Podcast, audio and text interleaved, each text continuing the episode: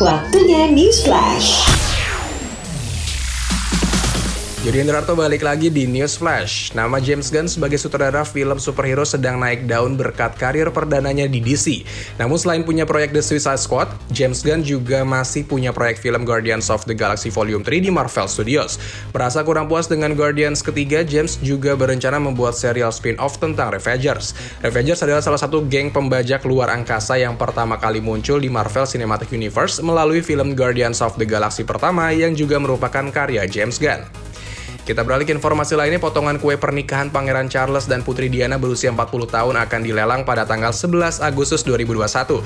Melansir situs rumah lelang Dominic Winter Auctioneers, kue pernikahan tersebut akan mulai dilelang dengan kisaran harga 300 hingga 500 pound sterling atau setara dengan 6 juta rupiah sampai 10 juta rupiah. Potongan kue pernikahan itu merupakan salah satu dari 23 kue pernikahan resmi yang dibuat untuk Royal Wedding pada tahun 1981.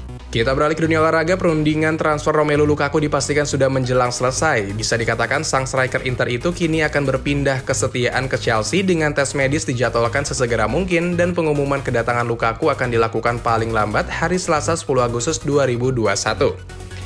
Lanjut ke informasi lainnya, Jesse Lingard telah mengungkapkan bahwa masa peminjamannya di West Ham terasa seperti tombol refresh dengan dirinya yang kembali ke MU untuk menjalani musim baru. Lingard pindah ke London Timur dengan status pinjaman pada Januari setelah menjadi sosok tidak terpakai di Old Trafford. Update terus berita terbaru cuma di News Flash. Itu dia tadi News Flash bersama saya Jody Hendrarto.